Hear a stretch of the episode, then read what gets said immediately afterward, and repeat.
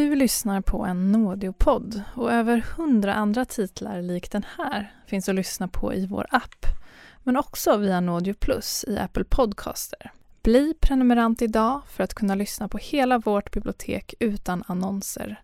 Och följ nå... Njut av Max Selection El Maco med Premium Beef. Vår saftiga och lyxiga burgare av 100% svenskt nötkött och 100% fantastisk smak.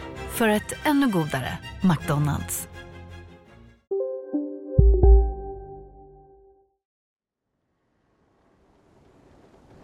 Vad har du för bevis?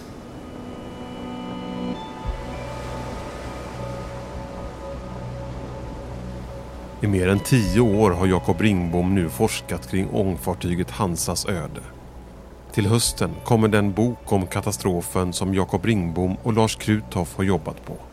På en föreläsning blir Jakob starkt ifrågasatt när han lägger fram sina teorier om vem det var som lyste upp Hansa den där tidiga morgonen i november 1944. Ja, han var ju väldigt skeptisk. Och så gick jag hem och så blev jag lite så här... Så kom jag på det här när jag hade gjort klart mitt kapitel om hjälpkryssare 4 så kände jag så här... Men gud, han har ju rätt. Vad har jag för bevis? Men jag blev nästan förbannad på mig själv. Att vad fan ska du ge upp nu? Är du feg eller? Jakob Ringbom sätter samman en lång lista på anhöriga till personalen ombord på Hjälpkryssare 4. Det är fartyg som avgick en timme senare än Hansa från Nynäshamn. Så jag satte igång. Jag började ringa och ställde samma frågor. Din far var på Hjälpkryssare 4. Vet du någonting om den här resan? Har du hört någonting? I den stilen då. Och alla, de flesta sa exakt samma sak. Ja, min, jag vet att min far jobbade inom marinen, eller jag vet specifikt att han var på det här fartyget. Men jag, han berättade aldrig någonting om kriget. Och då helt plötsligt kände jag att ja, men nu kanske det börjar brännas. Och då var det någon som sa Min far var ombord den natten. Han har berättat mycket om den här natten. Men så fort jag frågade om Hansa så sa han nu vill jag inte prata om det här mer. Till slut så ringde jag i alla fall upp eh, sonen till en av utkikarna som aldrig kom till förhör. Och ja, jag ställde samma fråga och förväntade mig också samma svar. Men han svarade inte som de andra. De var ju väldigt nära Hansa när de sjönk. Shit, vad är det som har hänt här egentligen? Du lyssnar på Ljuset på Östersjön. En dokumentär i fem delar om den mytomspunna katastrofen när passagerarfartyget SS Hansa sänks på Östersjön och gåtan om vem det var som lyste på Hansa den där natten. Jag heter Peter Gropman och det här är den femte och avslutande delen, den sista pusselbiten.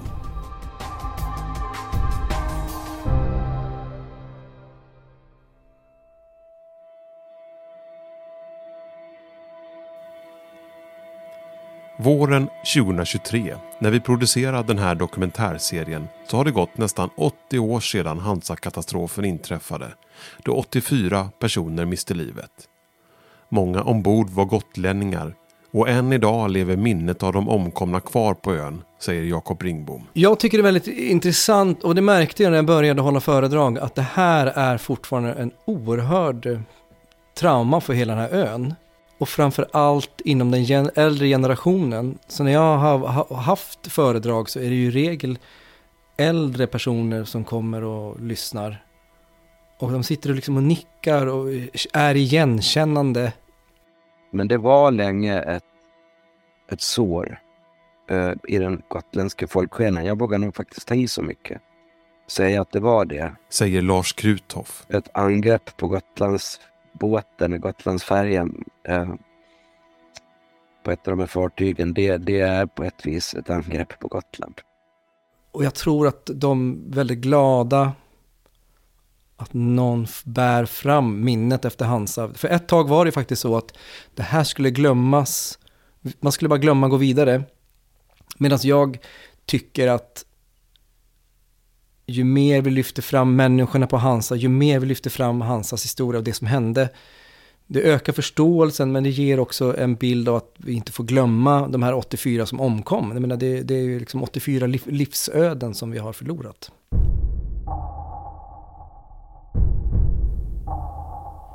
De flesta i den äldre generationen av gotlänningar vet idag vem det var som sänkte Hansa.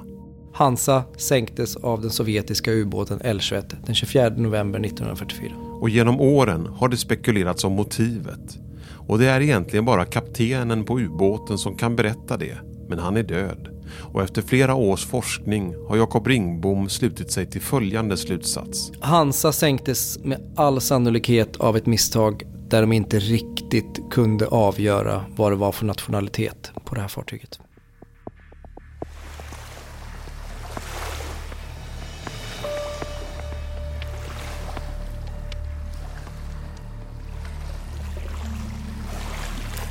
I de första avsnitten av den här serien har vi berättat om Arne Turesson och Arne Molin, de två som överlevde Hansa-katastrofen. De kämpade på havet i cirka åtta timmar innan de blev räddade. När Hansa var på väg att sjunka så var det en stark strålkastare som plötsligt lyste på de skeppsbrutna och det är nu bevisat att det inte var den torpederande ubåten som lyste på dem.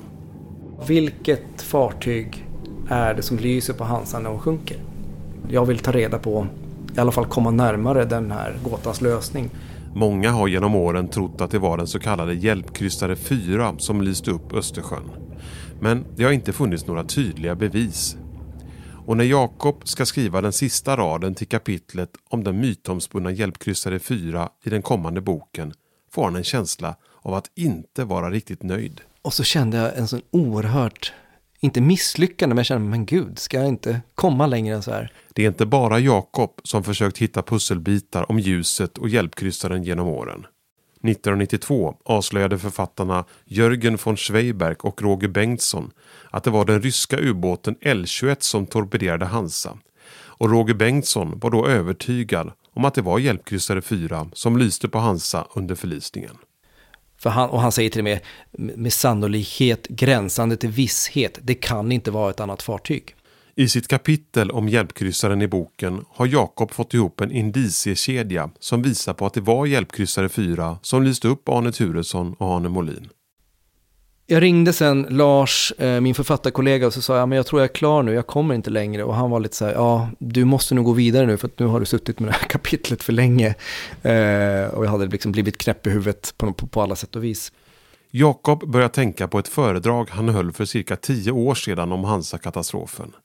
I publiken sitter vanliga intresserade åhörare och några före detta försvarsanställda som är väldigt skeptiska till Jakobs indiciekedja angående hjälpkryssare 4. Plötsligt ställer sig en man upp ur publiken och skriker. Vad har du för bevis? Och, och jag försökte liksom, ja, jag kan inte ge dig ett bevis, men jag kan ge dig liksom, jag kan, jag kan skriva ihop ett kapitel. Jag kan ge liksom, vi måste sätta oss ner och prata om det här. Jag kan inte, jag kan inte, här har du ett papper. Och han var ju väldigt skeptisk. Och så gick jag hem och så blev jag lite så här.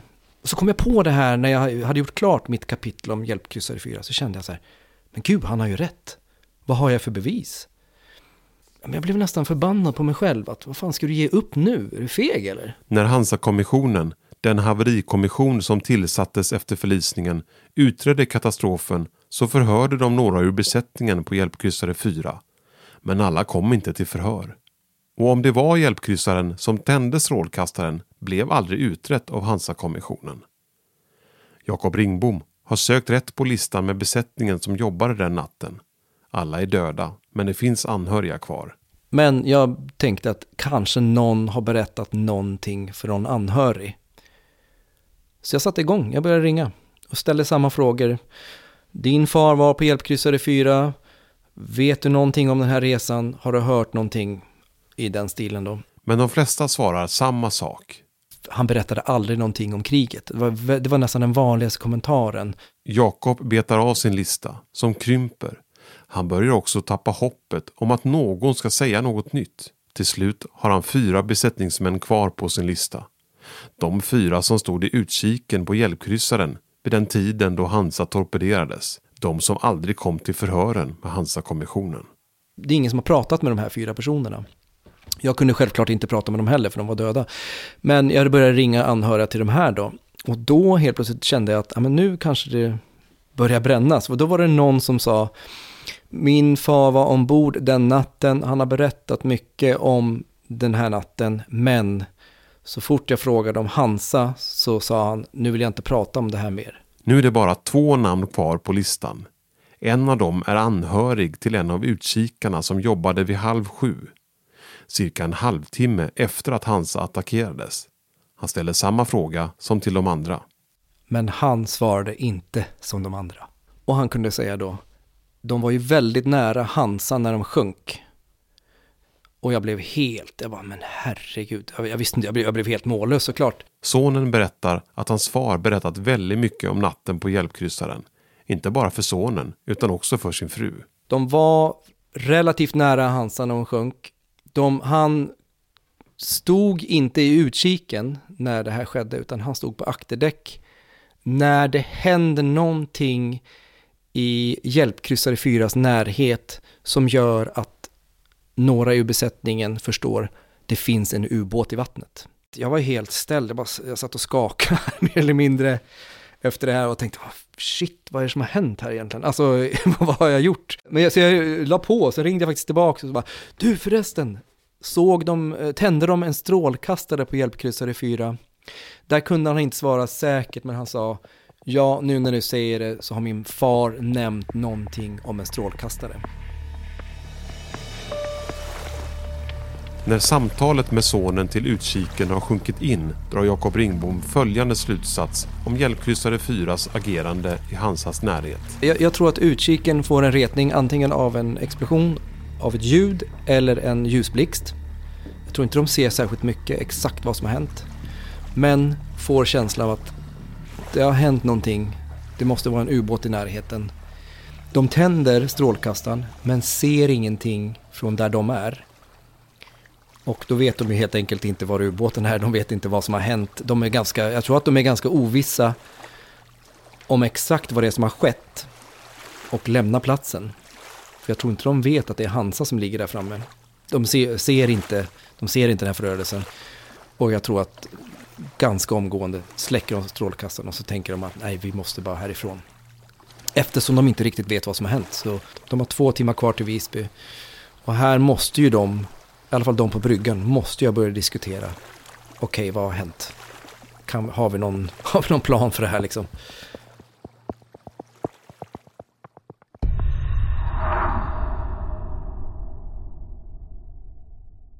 Sonen till utkiken på hjälpkryssare 4 kan berätta för Jakob att när besättningen anlände till Visby så blev de tillsagda att hålla tyst. Tänk på att vi har tystnadsplikt. Och det här skedde när de såg att Hansas eh, kajplats låg tom när de kom fram eh, på morgonen. Och då la de ihop pusslet att det som har skett som gjorde att de trodde att det fanns en ubåt i vattnet hade att göra med att Hansas kajplats var tom. De förstod där och då, okej, okay, det, var, det är Hansa som har gått under. När strålkastaren lyste på Arne Molin och Arne Turesson fanns också fler levande personer i vattnet. Med största sannolikhet levde både revisorn Ragnar Halldén och den oidentifierbara apatiska mannen som krabblat sig upp på en låda. Om hjälpkryssare 4 hade stannat hade den då kunnat rädda liv. Om de hade sett platsen för sänkningen och gått till den platsen omgående då hade de varit på plats ungefär en kvart, 20 minuter senare ungefär. Och då hade de möjligtvis kunnat plocka upp några fler överlevande Just för jag tror att den här mentala beredskapen att oj, det kommer ett, ett fartyg här borta. Det kanske hade gett eh, i alla fall Halldén och den här andra mannen lite krafter att försöka hålla sig vid liv en kvart till i alla fall. Det finns alltså inga ur besättningen på hjälpkryssare 4 som är vid liv idag. Så hur trovärdig är uppgiften från sonen till utkiken? Jag, jag, frågade ju såklart mig själv direkt, kan man lita på den här uppgiften? Eh, kan det verkligen stämma? Men det intressanta är att det finns några parametrar eh, som sonen berättar, som hans far har berättat. Du lyssnar på en Nådio-dokumentär och så här låter några av våra andra titlar som finns att lyssna på som prenumerant via vår app eller Apple Podcaster. En vacker försommardag 1960 hittas tre ungdomar döda vid en vykortsvacker sjö i södra Finland. Det här är historien om plastikkirurgen Karl-Åke Troilius uppgång och fall. Ormen Friske flydde bombningen vid Helgoland. En bit ut eh, på en strand så hittar han en kropp. Bli prenumerant så kan du lyssna i timmar helt utan reklam. Nu på Storytel. Försvarsadvokaten Lydia Levander får chansen att lösa sitt största fall genom att försvara en misstänkt mördare. Hur långt är hon och kollegorna på advokatbyrån Pegasus beredda att gå? Fallet Mikaela. En ny deckare från succéförfattaren Anna Bågstam. Lyssna nu på Storytel. Hej, Susanne Axel här. När du gör som jag och listar dig på en av Krys vårdcentraler får du en fast läkarkontakt som kan din sjukdomshistoria. Du får träffa erfarna specialister, tillgång till lättakuten och så kan du chatta med vårdpersonalen. Så gör ditt viktigaste val idag, lista dig hos Kry. Som går att säkerställa, som har hänt ombord innan Hansas undergång, som inte har med sänkningen att göra, men som går att verifiera att ah, det här stämmer och det här stämmer. Och, då, och det är liksom det jag känner att ah, men då är det här väldigt trovärdigt. Och det är den lilla pusselbiten som jag har lyckats gräva fram. Det är det närmaste vi kan komma en sån pusselbit idag. För att vi, vi, det, finns, det går inte att begära att man ska få ett förstahandsvittne. Men jag tror att den här gåtan kommer inte få mer lösning än så här. Jag säger inte att det är omöjligt, men jag säger att det är svårt. Men kanske är pusselbiten lite sliten i kanterna. Varför har befälet på hjälpkryssare 4 hävdat att de 03.30 passerade Hansa? För det är den fortfarande den konstigaste uppgiften i den här utredningen. Vi är alltså tillbaka i Visby under morgonen då man väntade på Hansa som aldrig kom. Befälhavaren sa till marinen att man inte behövde sätta igång en räddningsinsats eftersom man passerat Hansa vid halv fyra. Men som vi tidigare har hört i den här serien så kan inte uppgiften från befälet på hjälpkryssaren stämma. Beräkningar av fart, avstånd och tid den här natten bevisar att hjälpkryssaren inte kunde gå om Hansa vid den tidpunkten. Varför har de kommit in med den uppgiften överhuvudtaget? Det är så konstigt. Men den får ju sin förklaring då att de vill inte vara i närheten av Hansa. De vill ha Hansa akter om sig. De vill vara närmare Visby. Jag tror inte de till en början riktigt förstår vad som har hänt och det är först när de har gett sig av från platsen som de, att det börjar sjunka in och de kanske lägger ihop ett plus ett och inser att det här kommer inte se så bra ut vi måste lösa det på något sätt. Och om då hjälpkryssare 4 hade sagt där i Visby att eh, ja, men vi såg något, vi vet inte vad, vi blev skraja och drog. Hur hade liksom den här historien blivit annorlunda då? Ja, men jag tror att påföljderna här hade blivit ganska jobbiga att stå till svars för i efterhand. Framförallt medialt tror jag att det hade blivit en jätte, jätte grej om de hade erkänt att vi var där men vi, vi visste inte riktigt vad som hade hänt så vi, vi gav oss av. Det hade nog inte setts med blida ögon på. Det var ju 84 personer som gick under med Hansa och lämnade efter sig jättemånga anhöriga, speciellt på Gotland. Att du nu har fått tag på detta vittnesmål som ger en pusselbit till. Eh, gör detta någon skillnad till, för de anhöriga tror du? Det har ju varit en stor grej. Jag vet många anhöriga som har eh, ställt frågan vad gjorde egentligen Hjälpkryssare 4? Och med den här sista pusselbiten så tror jag att vi börjar komma eh, vi börjar få en lösning och jag tror att de anhöriga finner, eller vad ska jag säga, att det finns, det finns en, det, inte bara att själva lösningen har kommit men också, också att det faktiskt finns någon som fortfarande letar pusselbitar. Jag tror att, jag tror att det finns en tröst i det. Att det här är inte något som är helt bortglömt. Även om efterkrigstiden 45 och framåt, det, det, det var en tid där man skulle locket på, men nu går vi vidare och in i, in, in, in, in något, något nytt liksom. Och då skulle Hansa glömmas bort. Eh, det gällde att vara stark liksom. Eh, och sen finns det någon som fortsätter att söka svar och det tror jag att det finns en tröst i det också. Vi har låtit marinen vid Försvarsmakten lyssna på det här avsnittet av dokumentärserien.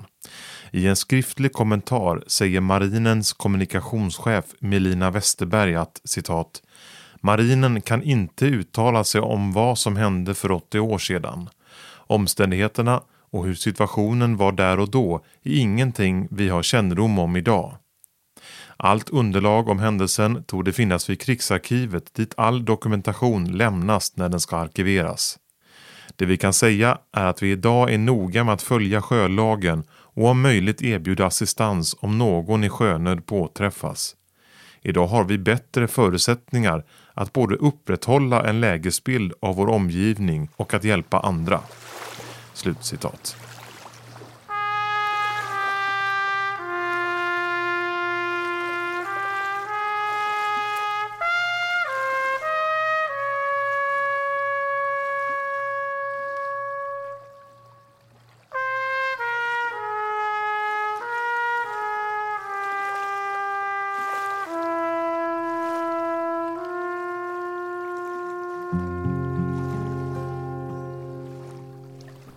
Det har alltid funnits en längtan att träffa honom. Så enkelt.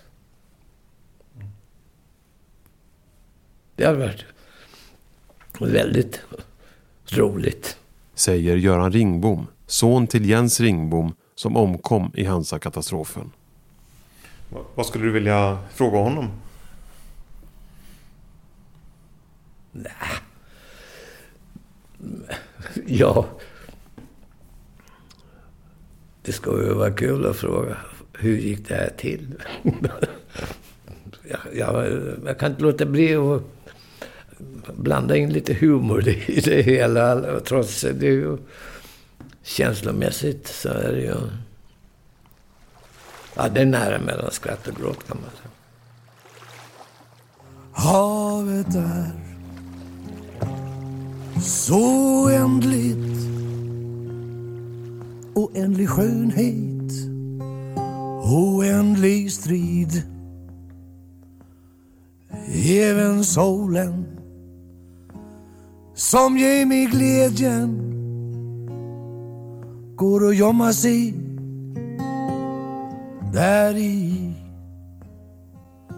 På smala ben vi lekte i din famn Det här är Göran Ringbom som sjunger den låt som han skrev till minnet av sin far Jens Ringbom 50 år efter Hansas undergång, år 1994.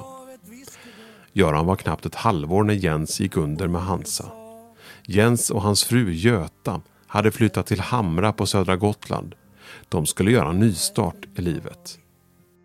Jens var väl 21, skulle väl ha fyllt 22. Och mamma var ett år äldre, var hon 23 då. Stå ensam då med två små barn. Och det förstår man ju, det är tuffa tag. Eftersom han inte har några direkta minnen av sin far så har han genom åren fått skapa sin egen inre bild av sin far. Ofta fick Göran höra att han som ung var lik sin pappa, lite vild. Ja, det har, det har man alltid hört. Att eh, han var, eh, han var en vild och en väldigt charmant person har man hört. Och väldigt, väldigt snäll. Så det är genomsnäll. Han kunde ge bort... Hade han, hade han en krona så gav han bort kronan. Inte 50 öre, utan han gav bort hela. Han var tydligen väldigt, väldigt snäll.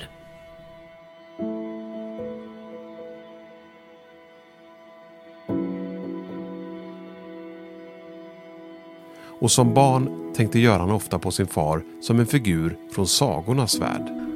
Så att jag, hade, jag hade också, du vet, jag hade en känsla av eh, pip, lite Pippi Långstrump-syndromet.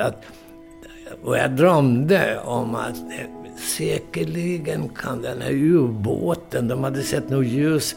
Tänk om de hade plockat upp min pappa. Han fanns nog i alla fall. Kanske i Ryssland. Och så vidare. Först trodde jag, ja, eh, att det var en tysk ubåt, men det, det visade sig att den var ju rysk. Det är en fantasibild, en, dröm, en drömbild och fantasibild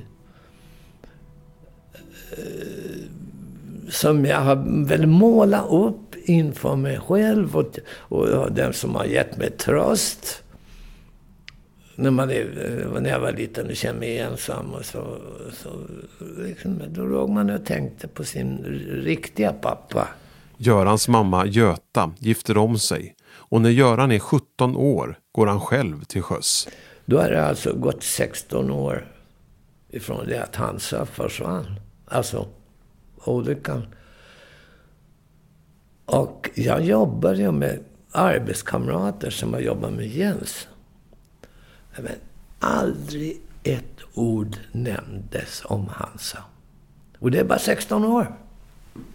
Det tycker jag var konstigt alltså. Eller tyck, då tyckte jag inte det var konstigt. För då, då tyckte man att 16 år, det var så länge. Men när man ser tillbaka på det nu så tycker jag, varför i helvete kunde, kunde... Att ingen nämnde... Många sa, ja men din pappa kände vi. Men det pratades aldrig om, om sorgen och... Och det kanske är typiskt för sjöfolk och öfolk att sjön ger och sjön tar. Så kan det ju vara. För aldrig sa man att när folk omkom, när fiskarna drunknade och de omkom i, i sjöolyckor. Det var ju, det var ju, folk var ju vana vid det. Och de sa aldrig, det sades aldrig att man hade otur. Vet du vad man sa? Jo, man sa hans tid var ute nu. Så var det, och det var ett sätt att acceptera det. Lars Krutoff, som till vardags arbetar på Gotlands museum, reflekterar även han kring gotlänningarnas något karga inställning till havet. Gotland är en ö i Östersjön och en stor del av gotlänningarna har haft sin näring i havet. Så att på ett vis så har ju vi gotlänningar varit lite eh, införstådda med att havet är farligt. På en ö tror jag också att det finns, eller fanns, nu är vi så moderna, men ända på 1940-talet fanns det nog en, en, förståelse för att havet inte var ofarligt. Och befinner man sig på havet så, så kan det hända saker. Men, men man förväntar sig inte att, att den reguljära färjan med nästan 100 personer ska försvinna över en natt. Livet för de 84 personerna ombord på Hansa avslutades hastigt den där tidiga novembermorgonen 1944 på Östersjön. Den yngsta passageraren, sexåriga Britt Karlsson, hade hela livet framför sig och Jens Ringbom längtade hem till södra Gotland där han precis skulle starta ett nytt liv. Men någonstans lever fortfarande personerna vidare genom den generation som fortfarande finns kvar. Nej, men jag tror att eh, det är väldigt mycket Jens i min pappa. Får jag ju känslan av. Sen vill jag ju att det ska finnas mycket Jens i mig också. Men jag vet ju inte vad Jens är egentligen. Men, men ibland så tänker jag att ja, men det här skulle Jens, det här, så här skulle han ha gjort. Och det kan jag kanske, ibland kanske jag försvarar dumdristiga beslut med, med detta. Men sen kan jag också ibland eh, känna att när jag är trött eller liksom när jag bara känner att nu orkar jag inte mer, då känner jag ibland så här, men Jens, han hade pallat lite till. och då får jag liksom lite mer energi, eller så här, bara, fan kom igen, bit ihop nu.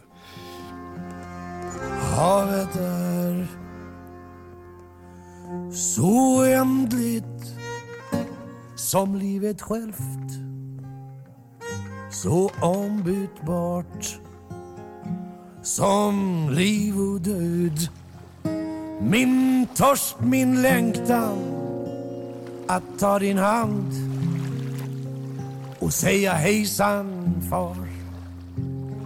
Med ängslig stolthet ett livets lån är att vara en havets son.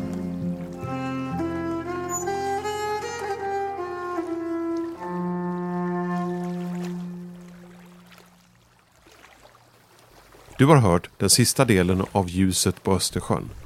Reporter och producent var jag, Peter Gropman. Exekutiv producent på Nordio var Mark Malmström Fast. Uppläsningar ur förhör och nyhetsartiklar är gjorda av Malin Marko.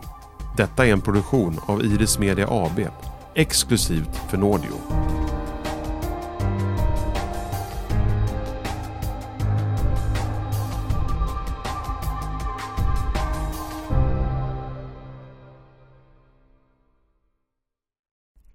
För att du lyssnat.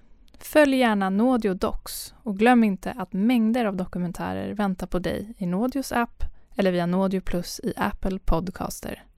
Bli prenumerant så kan du lyssna i timmar helt utan